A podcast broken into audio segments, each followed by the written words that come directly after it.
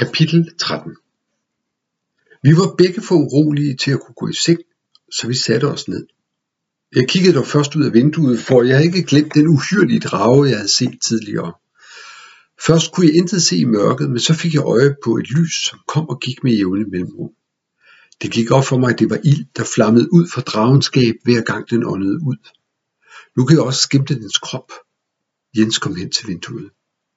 På en eller anden måde vidste vi, at vi ikke kunne overlade greven og grevinden, for ikke at tale om Agnete, til deres triste skæbner. Vi var nødt til at hjælpe dem. Næste morgen vågnede, vågnede vi tidligt. Solen var knap stået op.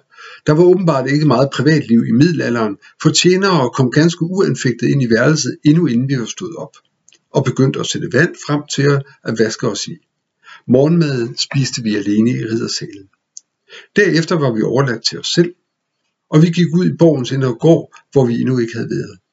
Morgen var frisk og varm, og vi besluttede os til at se lidt på lokaliteterne uden for slottet. Mange af slottets tjenere og arbejdere vendte sig og kiggede væskende efter os.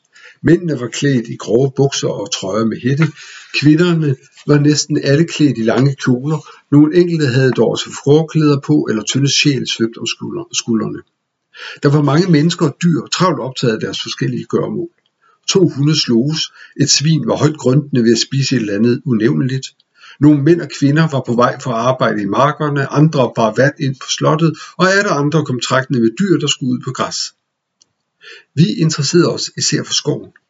Den græssede op til slottets marker, og et tydeligt spor af knækkede træer og sodsværtet jord viste, hvilken vej dragen havde fulgt. Sporet lugtede ramt og svedent, ikke ganske ulig Jenses sokker, når vi havde spillet fodbold. Da vi nu havde bestemt, at vi ville hjælpe, kunne vi lige så godt lave lidt research. Vi begyndte derfor at følge dragesporet, og det varede ikke længe før vi kom til en dal. Dragens spor førte ned i dalen, men ikke op igen på den anden side. Dens hule måtte være et eller andet sted nede i dalen. Vi stansede. Ingen af os følte trang til at gå længere. Paul, hvad ved du egentlig om drager, spurgte Jens, mens han nervøst holdt øje med sporet foran os. Ikke meget, jeg tænkte mig om. Jeg ved, at de elsker guld. At de kan lide at gætte gåder, men bliver sure, hvis de taber gådelejen, og de kan flyve med deres små vinger, som de har på ryggen. De er som regel grønne, har lidt takket haler og udspyrer ild gennem næsen. De er meget forfængelige, og man skal ikke opgive sit rigtige navn, for så får de magt over en. Den her flyver åbenbart ikke, siden den altid kommer traskende gennem skoven.